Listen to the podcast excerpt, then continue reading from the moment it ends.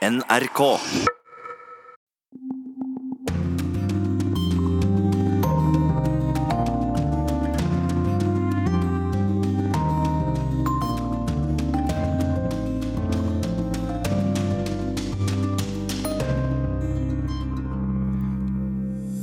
Et trettitalls amerikanere pakker kofferten og reiser til Singapore i helga.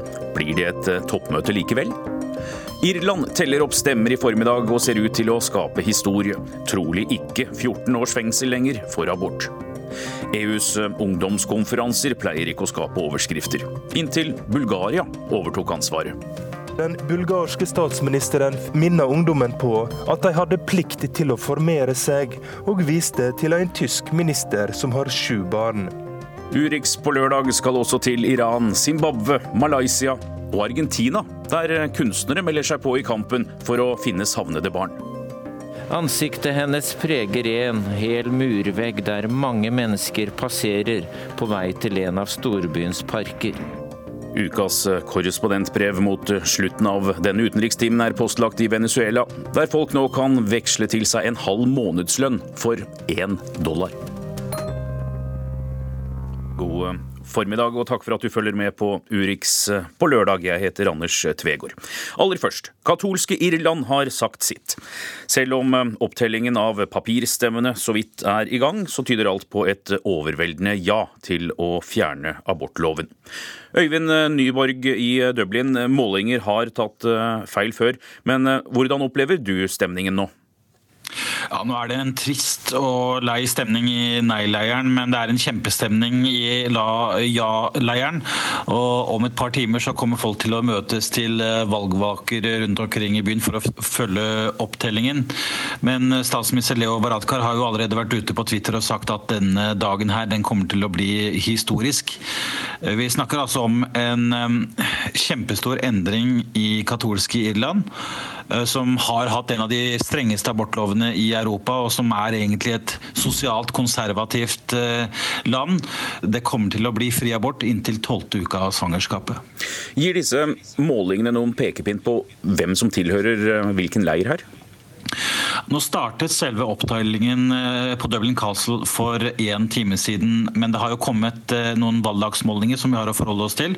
Og Nå viser de at det er flest ja-stemmer i hovedstaden Dublin, der hele 80% er for, ifølge en måling da, som Irish Times har gjort.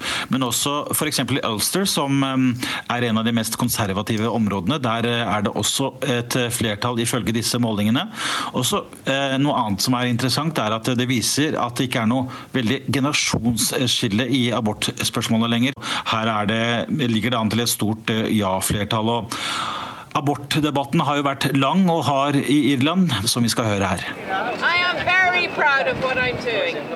Lege Mary Black står på stand for ja-siden over elva i hjertet av Dublin. En kvinne kommer forbi. The intentional killing of a baby in the womb is murder. Rape is not murder.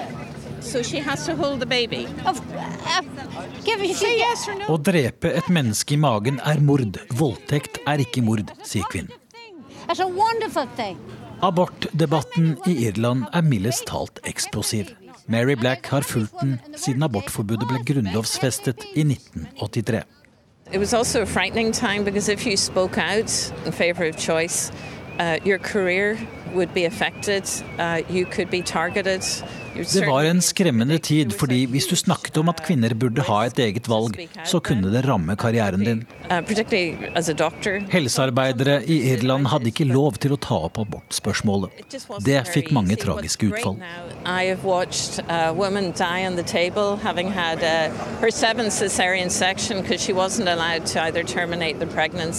Jeg har sett en kvinne dø på operasjonsbordet etter sitt syvende keisersnitt fordi hun ikke fikk lov til å avslutte graviditeten eller sterilisere seg.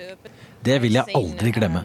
Hennes katolske tro ville heller ikke la henne få abort. Heller ikke landets lover. I 1997 ble en 14 år gammel jente som var blitt voldtatt, nektet abort. I 2012 døde en kvinne fordi hun ikke fikk tatt abort. Det har bidratt til kravet om en folkeavstemning.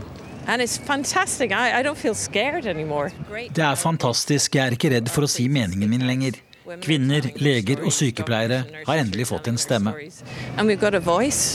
Dersom det blir et ja i folkeavstemningen, så vil regjeringen legge fram en lov om fri abort inntil tolvte uke av svangerskapet. Det endelige valgresultatet kommer i ettermiddag. Øyvind Nyborg, Dublin. I natt uh, tvitret USAs president at administrasjonen hans igjen har produktive samtaler med Nord-Korea, og at et uh, toppmøte kan finne sted som planlagt 12.6. Så noe må ha skjedd på de to dagene som er gått siden Trump skrev et brev til Nord-Koreas leder med beskjed om at møtet kom til å bli avlyst. Da presidenten møtte pressen i går, brukte han en av sine favorittsetninger.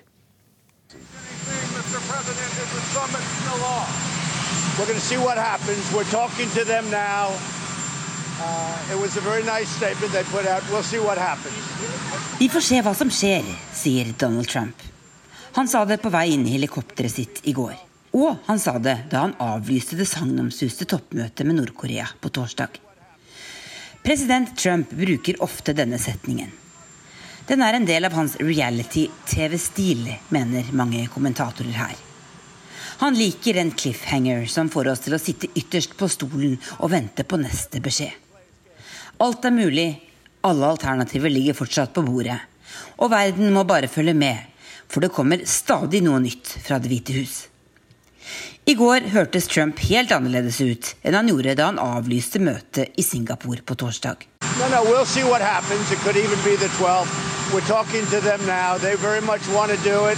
like Møtet kan finne sted allerede 12.6.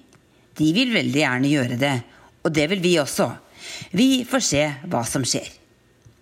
Ifølge amerikanske medier har Det hvite hus sendt et team til Singapore denne helga for å forberede et mulig toppmøte. Men eksperter på atomforhandlinger mener det er helt urealistisk at et møte kan finne sted allerede om knappe tre uker, etter så mye fram og tilbake som det har vært de siste dagene.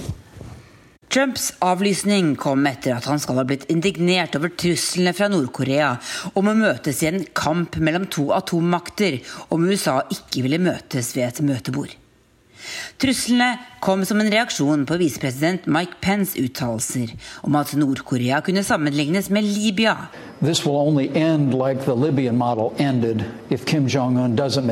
Der han indirekte antydet at Kim kan ende som Gaddafi gjorde dersom han ikke oppgir atomprogrammet. Trumps nasjonale sikkerhetsrådgiver John Bolton var den første som dro linjen til Libya.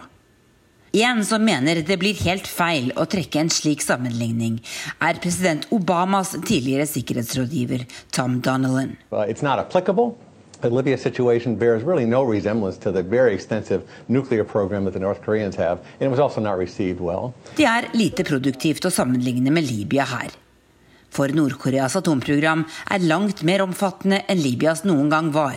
Og dessuten ble ikke sammenligningen godt mottatt, sier Donilon til CNN. Han mener også forberedelsene til toppmøtet ble mye vanskeligere etter at USA trakk seg fra Iran-avtalen. It made it complicated because you were going to have to have more assurances for the North Koreans, and it set the bar pretty high. Indeed, if we could get a deal close to the Iranian deal, at least initially, in, in North Korea, would be quite an accomplishment. Å få til noe som ligner Iran-avtalen med Nord-Korea ville være en stor seier, mener han. Akkurat nå er det imidlertid umulig å spå om det blir noe toppmøte om noen form for avtale i det hele tatt. Vi får se hva som skjer. Presidenten hadde lagt mye prestisje i det historiske planlagte møtet med Nord-Koreas leder. Kritikerne hans, med New York Times-kommentator David Sanger i spissen, mener imidlertid at Trump behandler Kim som han er vant til å behandle konkurrerende eiendomsutviklere fra sin tid som forretningsmann. Kim vil bli trygg og lykkelig, og landet hans vil bli rikt, sa Trump på tirsdag. Men forhandlingene med Nord-Korea handler om langt mer enn penger og investeringer fra USA, både for Kim og andre i regimet. De handler om en 65 år gammel konflikt som inkluderer atomvåpen, og den mest alvorlige sikkerhetspolitiske situasjonen i verden akkurat nå. Det var Tove Bjørgaas som rapporterte fra Washington. Iran har um, satt en slags frist til uh, midten av neste uke for å se om den omstridte atomavtalen er levedyktig. Europeerne presses for å komme opp med økonomiske alternativer raskt, nå som USA varsler nye straffetiltak. Mye avhenger av um, hvor uh, hardt amerikanerne vil straffe internasjonale selskaper som fortsetter å handle med Iran. Sissel Wold gir oss det større bildet. So do you often come here? Oh, regularly, yes. Oh, regularly. Kommer du hit ofte? spurte jeg en forretningsmann ulastelig antrukket i mørk dress og diskré blåmønstret slips. Vi hadde begge funnet veien til den store bilmessen i Teheran i februar. My name is Jacques Mauge. I'm chairman of FIEV, the Federation of Vehicle Industry. Jacques Mange representerte FIEF, en organisasjon for franske bilfabrikanter. Han var optimistisk. I see it very positive because uh, we are committed to the development of the auto industry in Iran. Vi har forpliktet oss til en rekke avtaler, og vi ser optimistisk på det iranske markedet. Vi er her for å bli. Peugeot og PCA har posisjonert seg veldig godt, mens tyske Volkswagen derimot ligger langt bak oss, sa direktøren før han gikk inn i den store konferansesalen. Der satt dresskledde herrer tett i tett, og også mange kvinner, som så de nye mulighetene Iran-avtalen ga. Med internasjonale investeringer skulle Iran endelig få sving på en presset økonomi og skape sårt tiltrengte arbeidsplasser.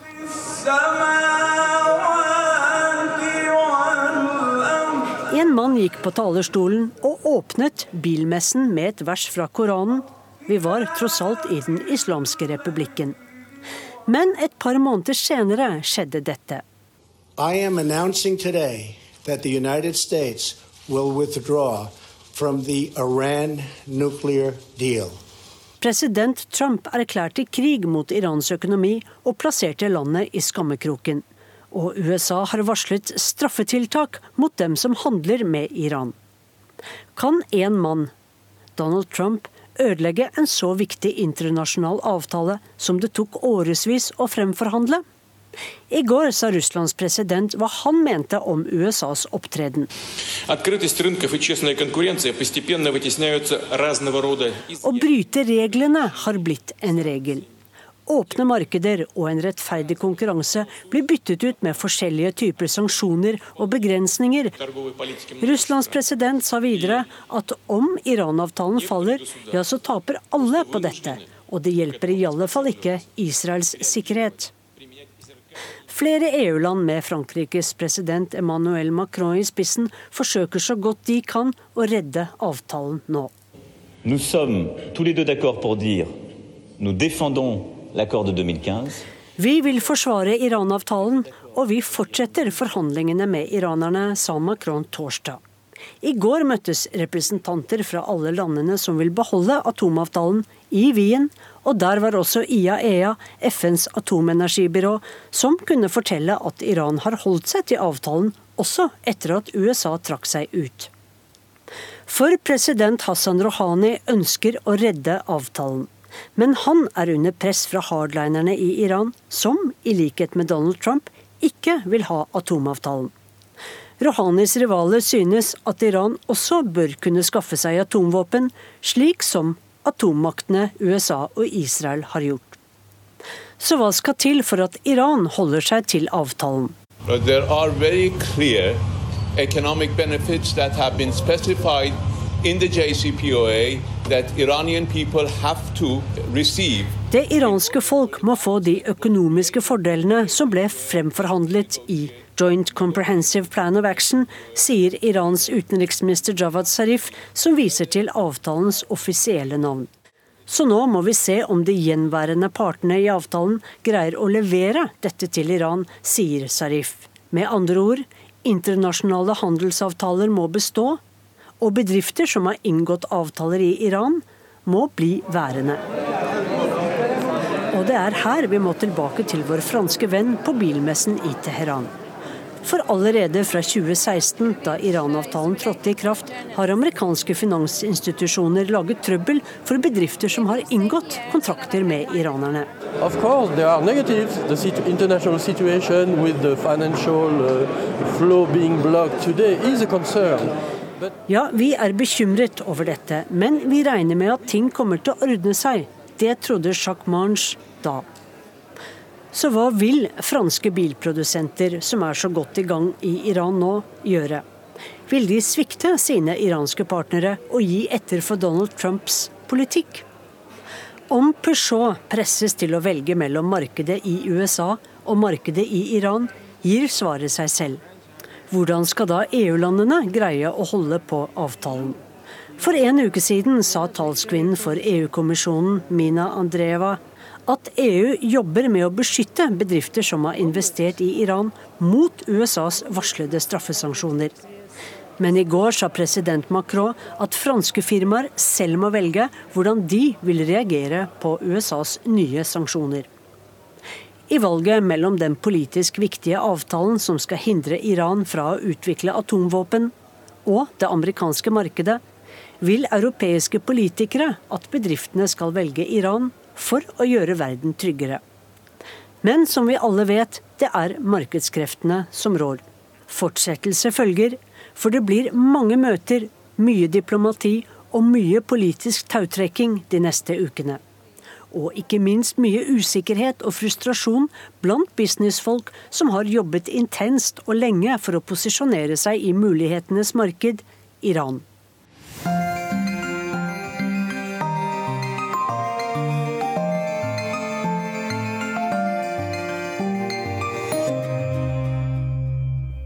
Flere har eh, lurt på hvordan Bulgaria ville forvalte ansvaret for det roterende presidentskapet i EU.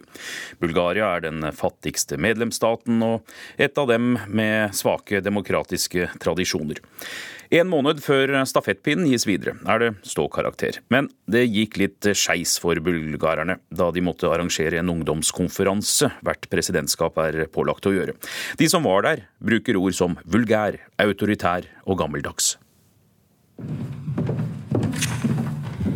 Det er glissent under pressekonferansen, der en diskuterer det deltakerne har kommet fram til.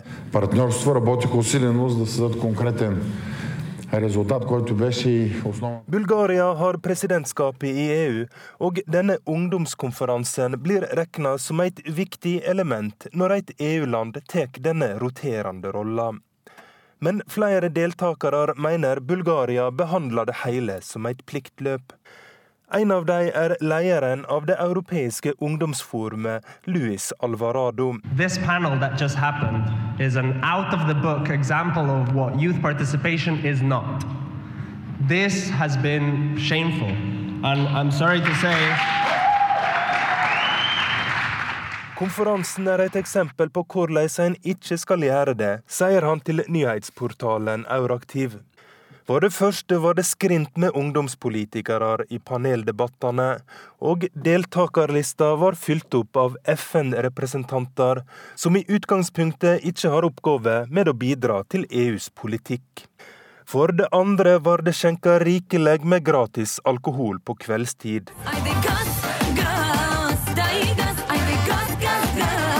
Og det var fest med halvnakne damer som dansa på borda. Dette bidro samtidig til et labert oppmøte om morgenen, forteller Alvarado.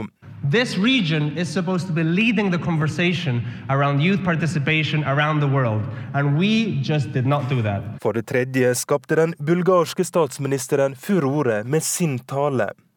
Bojko Borisov minner ungdommen på at de hadde plikt til å formere seg, og viste til en tysk minister som har sju barn. På førehånd var det sendt ut en SMS der det ble oppfordra til å gi statsministeren stående applaus. Ifølge Euraktiv avviser arrangøren kritikken, og sier det ble gjort et grundig arbeid i elleve arbeidsgrupper, som munner ut i en rapport med mange anbefalinger til EU-kommisjonen om hvordan en kan styrke ungdomspolitikken i EU.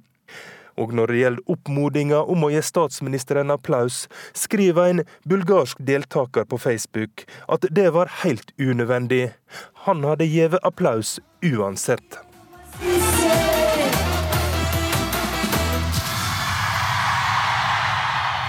Og EU-kommisjonen har sagt at de ikke vil ta barregninga om det viser seg at det ble servert gratis vodka. Reporter Roger Severin Bruland. Robert Mugabe, husker du ham? Det er et uh, halvt år siden eh, Zimbabwes uh, aldrende leder ble tvunget til å gå av. Nå lever han tilbaketrukket i hovedstaden med sin yngre hustru Grace. Svensken Stig Holmquist kommer nå med en bok om Mugabe. Da var det rett og rimelig å koble på Tom Christiansen, som også har fulgt frihetskjemperen Mugabes vei til diktator. Slik lyder han nå, Robert Mugabe, Zimbabwes president gjennom 37 år. Helten som ble en despot og til slutt avsatt. Det skjedde i november i fjor. Slik var stemmen til geriljalederen Mugabe på 70-tallet. Like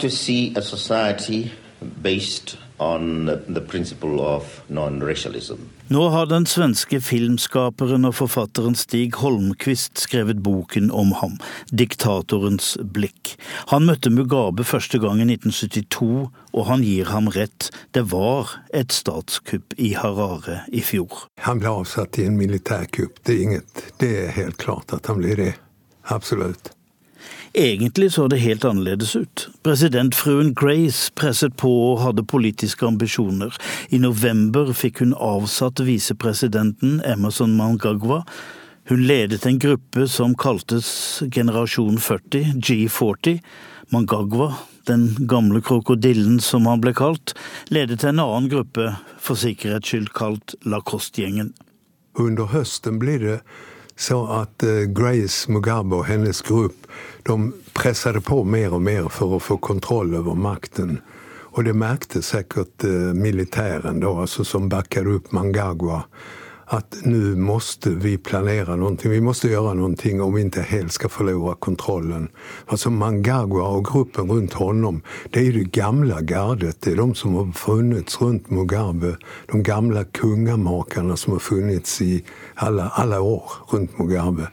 Og de bestemte seg da for å slå til. Det var tanks i gatene og store demonstrasjoner som ikke ble slått ned. Så satte hæren Mugabe og hans frue i husarrest. Mugabe skrev så til slutt under sin avskjedssøknad, men var han klar i hodet? Stig Holmquist har i dyp fortrolighet snakket med Mugabes sjelesørger gjennom 40 år, fader Fidelius. Ja, det er jo et spørsmål som mange, mange stiller seg. Og eh, jeg tror at det var litt til og fra. Det var en episode etter at Mangagwa ble avsatt og truet på livet. Han rømte til Sør-Afrika. I løpet av de dramatiske dagene ringte Mugabe den avsatte visepresidenten. De ringte jo opp Mangagwa i Sør-Afrika da.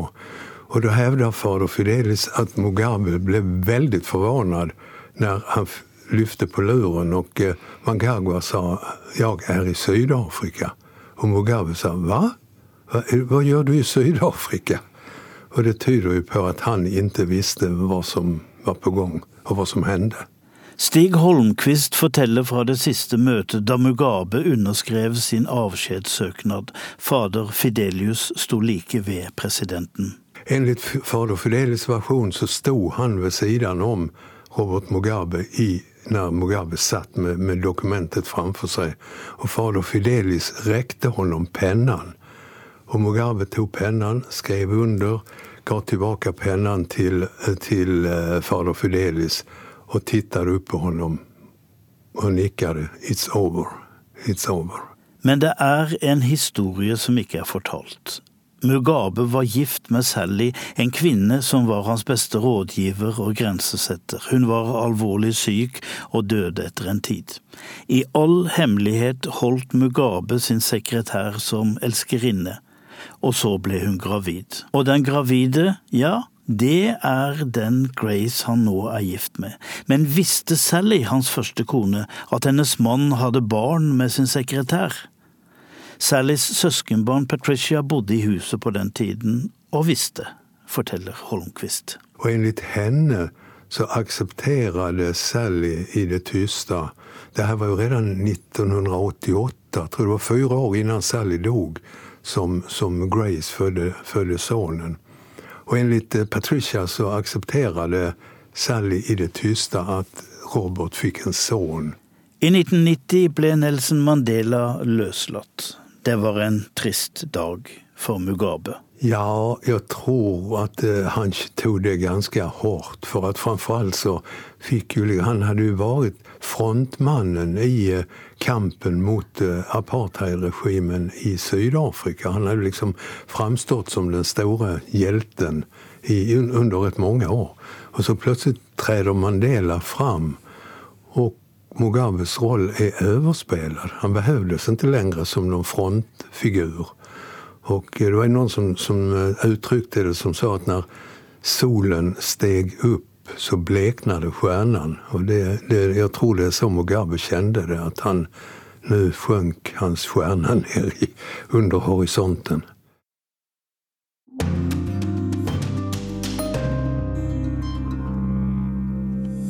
Du lytter til Urix på lørdag. Dette er noe av det som skjer i verden akkurat nå. En talsperson for nei-sida i Irland erkjenner nederlag og sier at de har tapt kampen om å beholde strenge abortlover. Verdens helseorganisasjon får skryt for å reagere raskt mot ebolaepidemien i Kongo, men flere organisasjoner mener det fortsatt mangler forebyggende arbeid. Den norske regjeringen overfører 10 millioner kroner til arbeidet. Litt over 50 mennesker mistenkes for å ha det ekstremt smittsomme og dødelige viruset. Over 20 er bekreftet omkommet i Kongo så langt. Colombianerne velger ny president for første gang siden fredsavtalen med FARC. Mannen som ligger best an på målingene før morgendagens valg, vil kaste om på den omstridte avtalen. Og når vi først snakker om Colombia, det søramerikanske landet blir formelt en Nato-partner neste uke. Opposisjonen i Malaysia feiet eh, nylig den gamle partialliansen som hadde styrt eh, landet i 60 eh, år. Den tidligere statsministeren beskyldes for å ha tatt 36 milliarder kroner fra et utviklingsfond. En 92-åring gjør comeback som statsminister, og nesten 300 kasser med eksklusive håndvesker er også en av historiene du får høre om det sørøstasiatiske sør landet, som Øystein Heggen forteller mer om. In the one premise which is empty, where we got a search warrant, there were 284 boxes containing handbags, and there were 72 bags containing cash, jewelry, and watches. Etterforskningsleder Amar Singh i Malaysias Økokrim lister opp funn fra en av leilighetene til tidligere statsminister Najib Razak. 284 bokser fylt med dyre designervesker, 72 bager med 114 millioner i valutaen ringgit, tilsvarende 230 millioner kroner, samt masse juveler og klokker. And we have counted the cash, and the cash amounting to 114 million. Det blir likevel bare smårusk, sammenlignet med det Razak og hans allierte er beskyldt for å ha stjålet fra utviklingsfondet OneMDB, som skulle trekke utenlandske investeringer til Malaysia. USAs justisdepartement anslår at 36 milliarder kroner er forsvunnet, og satte i gang en granskning i 2015. Unfortunately, sadly, tragically, a number of corrupt 1MDB officials treated this public trust as a personal bank account. USAs tidligere justisminister Loretta Lynch sier at flere av fondets ledere brukte fondet som sin personlige bankkonto. Det har gått raskt nedoverbakke for Najib Razak og hans kone Rosma Mansour etter valgnederlaget 9. mai. De har forbud mot å forlate landet mens de granskes. Her flokker pressefolkene seg rundt Razak da han var til avhør i Kommisjonen for antikorrupsjon denne uka. Granskningen av nettopp dette utviklingsfondet OneMDB ble lukket da han var statsminister, men er tatt opp igjen nå. Razak nekter for å ha stjålet penger fra folket.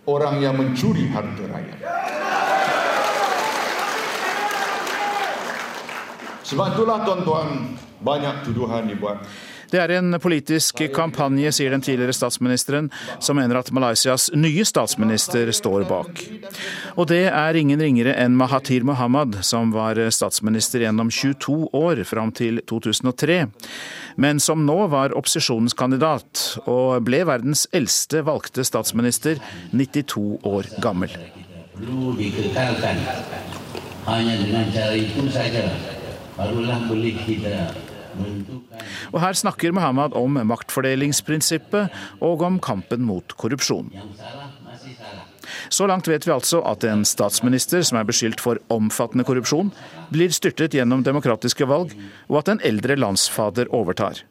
Men det er også en tredje mann involvert.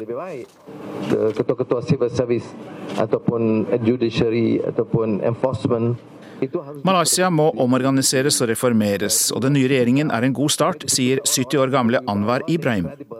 Noen vil kanskje huske rekken av rettssaker mot ham på 1980-tallet, etter at han ble kastet som visestatsminister. Han ble anklaget for at samleie med en mannlig medarbeider, noe som er strengt ulovlig i det muslimske landet. Til sammen satt Ibrahim seks år i fengsel. Prosessene mot ham ble sterkt kritisert av Amnesty International. Nå har Malaysias konge Mohammed 5. benådet Ibrahim etter oppfordring fra den nye statsministeren. Men her må vi stoppe opp, for var det ikke nettopp Mahathir Mohammed som mente sodomibeskyldningene mot Ibrahim var riktige, og som ble anklaget for å kvitte seg med en brysom visestatsminister på denne måten? Men det er mange år siden. Nå er de allierte. Etter fengselsoppholdet bygget Ibrahim opp en slagkraftig opposisjon, som brukte den respekterte Mahatir Mohammed som frontfigur for å vippe Najab Razak av pinnen. Og det er til og med slik at kona til Ibrahim, Van Assisa Van Ismail, er utnevnt til visestatsminister. Her tas hun i ed under påsyn av kongen. Det har altså skjedd et maktskifte i Malaysia, for alliansen Nasjonal Front, som har sittet med makten i 60 år, er ute av regjeringskontorene. Men samtidig ser vi at eh, hovedaktørene som nå har overtatt, er gamle travere som har hoppet av den gamle alliansen. Øystein Heggen. Sosiale medier og vegger som leter er neste stikkord. Kreative sjeler eh, melder seg for å finne forsvunne barn og ungdommer i Argentina. Bare i fjor ble minst 2500 eh, mindreårige meldt savnet.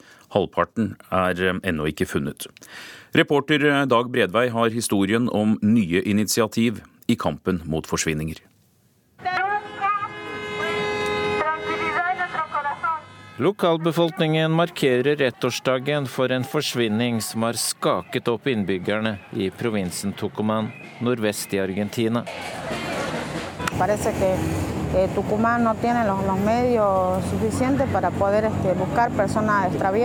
Jeg tror ikke at Tucuman har ressurser for å lete etter savnede personer på en god måte.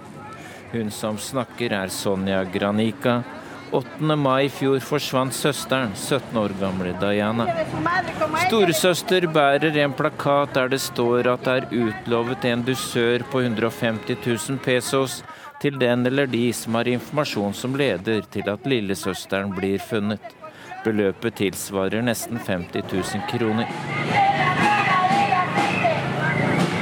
Andre bærer plakater med bilder av den savnede ungdommen. Sonja håper og tror at Diana kan være i live. Hennes teori er at søsteren kan være bortført av en prostitusjonsring, men hun vet ikke. Diana er en av 2571 mindreårige i Argentina som ble meldt savnet i fjor. I hovedstaden Buenos Aires blir det tatt nye grep i forsøket på å finne savnede. Organisasjonen Savnede barn Argentina har alliert seg med kunstnere i prosjektet kalt Vegger som leter. En av kunstnerne er i ferd med å sluttføre et digert veggmaleri av en savnet jente ved navn Salome Valenzuela.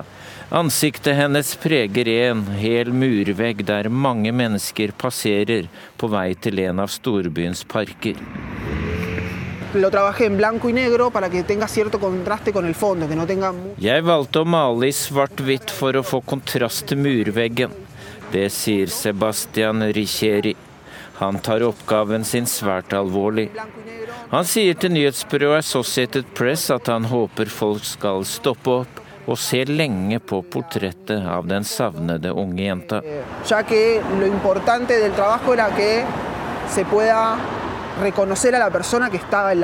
Det er utfordrende. Jeg må hele tiden tenke på at jeg må få fram trekkene som gjør at folk vil gjenkjenne jenta dersom de ser henne.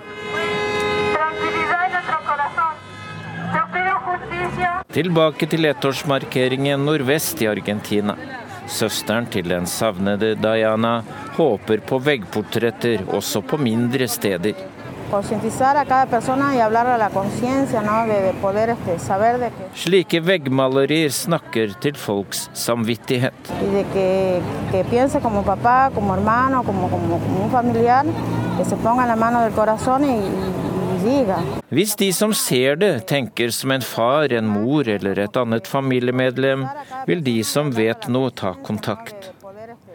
Ved siden av maleriet av savnede står navn, alder og et telefonnummer folk kan ringe dersom de vet noe. Lederen for organisasjonen Savnede barn Argentina, Lydia Grichener, sier at mange foreldre tar kontakt fordi de ønsker et veggmaleri av deres eget barn.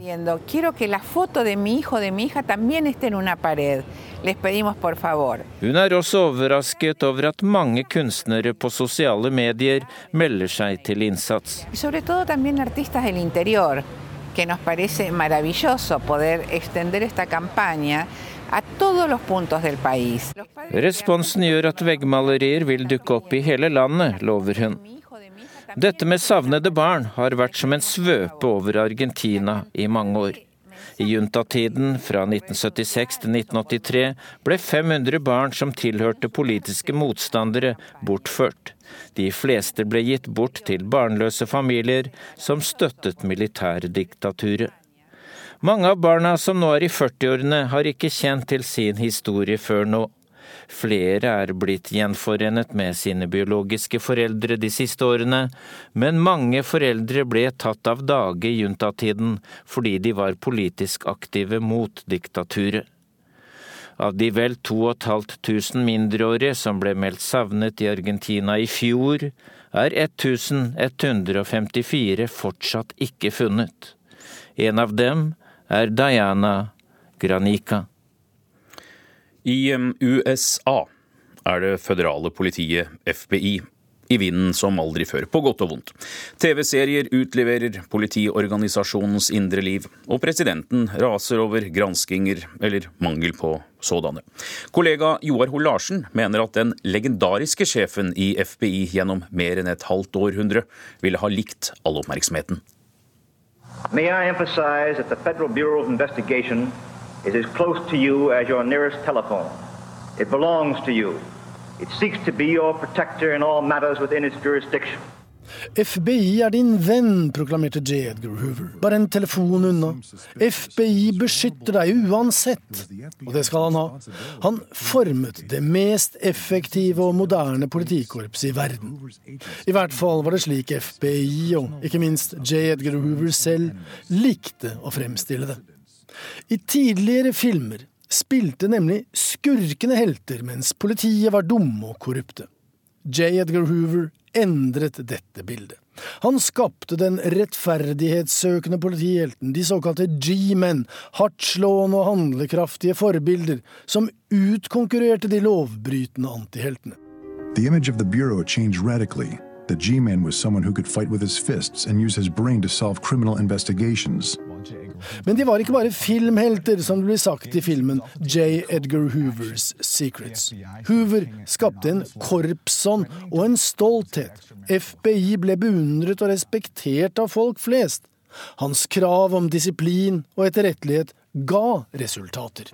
Within 10 years, Hoover and his modernized crime fighting force had killed or captured the most wanted gangsters in the country, including public enemy number one, John Dillinger. The young FBI chief stepped into the spotlight. He was now a star. Samtidig, han overlot ingenting til tilfeldigheten. Han markedsførte sine G-men, fikk dem inn i filmer og tegneserier. Han hadde en stor stab av PR-folk, hvis oppgave var å sørge for at FBI var i avisen hver eneste dag, sier William Gallinaro.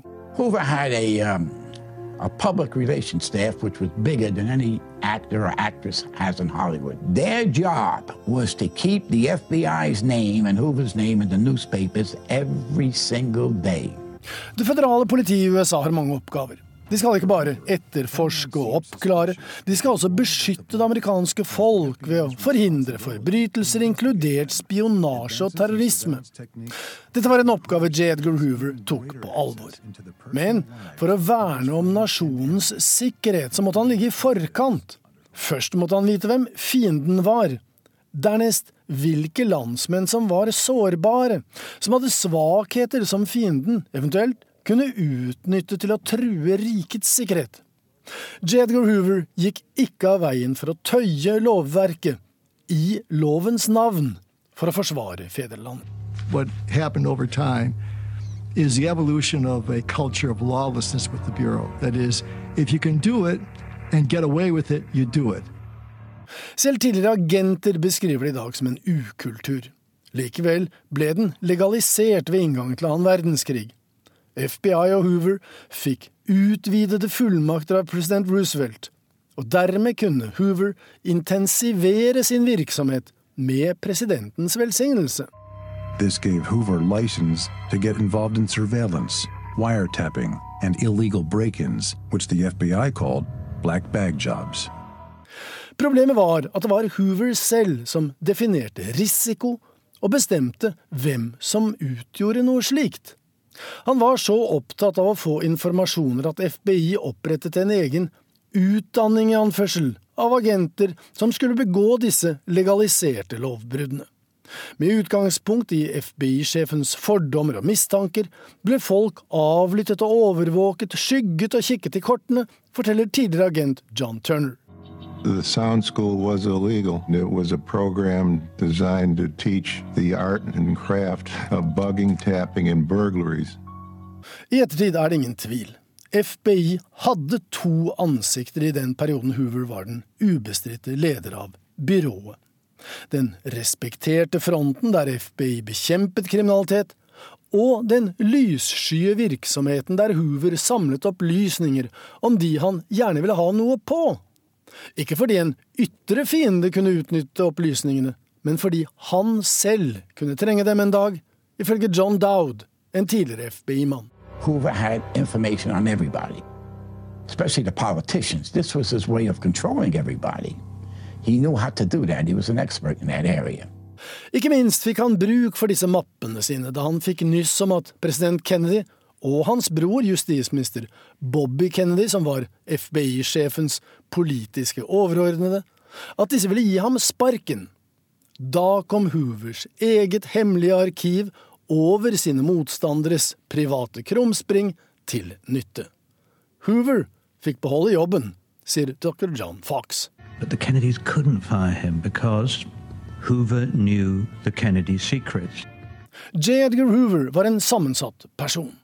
Han var ekstremt homofob, og avlyttet derfor alle homofile, samtidig som han levde sammen med en mann og antagelig var homofil selv. Han var en gambler og satset store penger på travbanen, i spill som angivelig var kontrollert av mafiaen. Han støttet dermed den organiserte kriminaliteten han selv hadde til ansvar å bekjempe. I filmen sies det i klartekst uten filter. He had two major problems. One, he was addicted to gambling. And two, he was a blatant homosexual. J. Edgar Hoover døde i 1972, men ånden hans levde videre i FBI på godt og vondt. Skepsisen til alle utenforstående, inkludert Det hvite hus og andre folkevalgte, gjaldt også resten av sikkerhets- og etterretningsmiljøet. FBI holdt kortene tett til brystet. De stolte ikke på noen og delte ikke opplysninger med andre, og i hvert fall ikke med CIA. Til tider motarbeidet disse hverandre. Mye av dette var arven fra J. Edgar Hoover. Mange som har studert denne perioden, mener det indirekte fikk alvorlige konsekvenser. Det var eh, Joar Hoel eh, Larsen. Nå har vi kommet fram til vår eh, faste post, ja, bokstavelig talt en post, et brev. Arnt Stefansen er avsender. Han skriver om situasjonen i Venezuela etter gjenvalget av president Maduro i ukas korrespondentbrev. Den store jumbojeten lander tungt på Simon Bolivar-flyplassen i Caracas. Direkteflyet fra Madrid er fylt til siste plass, og det er fullastet med bagasje. Når vi kommer frem til samlebåndet, ser jeg folk fylle trillevogna med små berg av kofferter før de forlater ankomsthallen og blir møtt av familie, venner og kjente. Venezuelas dype krise har mange ansikter, og dette er et av dem. De som har penger, kan forlate landet og kjøpe det de trenger. I utlandet kan de også ta ut dollar fra sine konti og veksle dem til eventyrlige kurser når de kommer hjemme. For bare én dollar får de nærmere én million av den lokale valutaen bolivaren, halvparten av den månedlige minimumslønna i Venezuela. Gustavo er 48 år og jobber som sjåfør for et selskap i Caracas. Han sier han er heldig, men at livet er blitt nesten umulig å leve. Jeg har kone og to barn, og vi vet aldri hvordan vi skal greie å takle morgendagen, sier han. Gustavo bor i Alta Vista, en av de fattige bydelene i den venezuelanske hovedstaden. De fleste av mine naboer har det verre enn jeg, så jeg skal vel ikke klage, sier han, og setter opp det typiske gliset, som er trist og livskraftig på én gang. Han er en mager fyr med et mørkt, smalt ansikt og gløgge øyne. Jeg er imponert over Gustavos evne til å sette navn på tingene, for ikke å si elendigheten i Venezuela. Det var du som burde vært president, har jeg sagt til ham flere ganger. Jeg prater i hvert fall mindre tøv enn ham, sier Gustavo, og setter igjen opp det typiske gliset. Forrige søndag ble presidenten Nicolas Maduro gjenvalgt for en seksårsperiode som Venezuelas president. Mindre enn halvparten av velgerne avga stemme.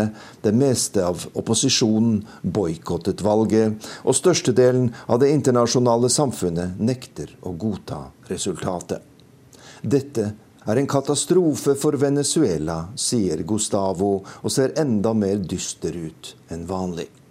Under Maduros styre har livet til oss vanlige venezuelanere blitt et mareritt. Det er nesten umulig å få kjøpt mat til en pris vi kan betale. Medisiner blir stadig mer umulig å oppdrive. Barn dør av underernæring, og millioner av mennesker forlater landet.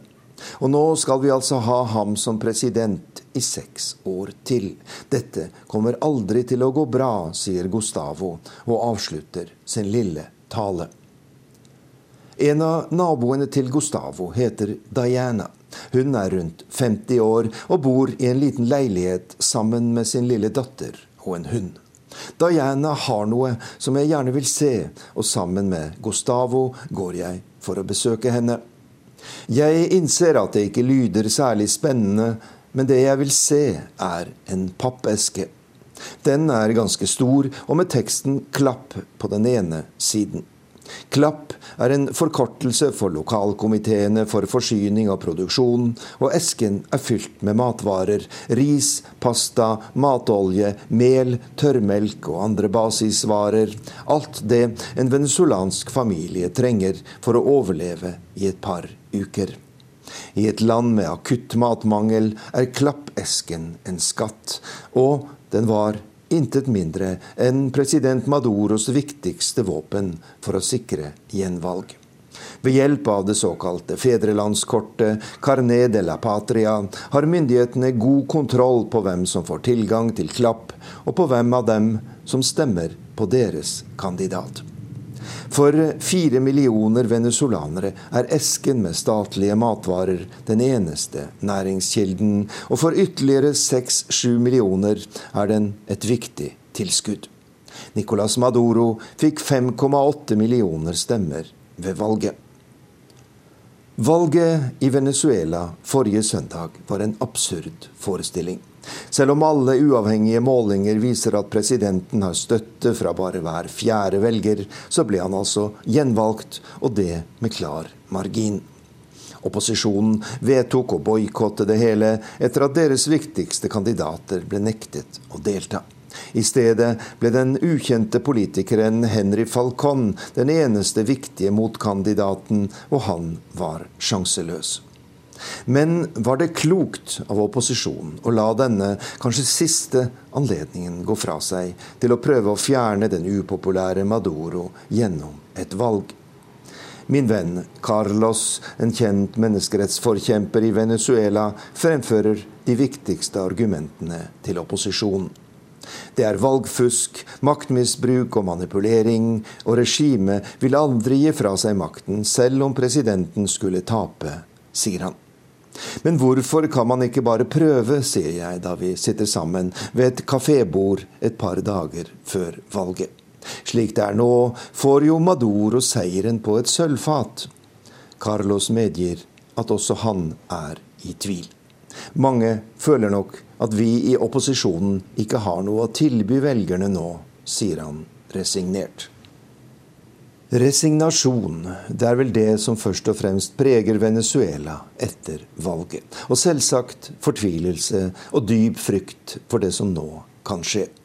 Journalisten Fatima, som jobber i en nettavis i Caracas, sier hun er redd. Vi ser jo ingen løsning. Hvem kan redde oss ut av dette? Skal det bli kupp eller borgerkrig før dette regimet faller, spør hun, og har selv ingen svar. Hun og kollegaene i avisen får nå deler av lønninga i dollar, slik at de har en viss beskyttelse mot den vanvittige inflasjonen, som i år ventes å komme opp i nærmere 15 000 Den klart høyeste i verden. Men de aller fleste er jo ikke så heldige som oss, sier hun. For en månedslønn i lokal valuta får man ett kilo kjøtt i en vanlig butikk.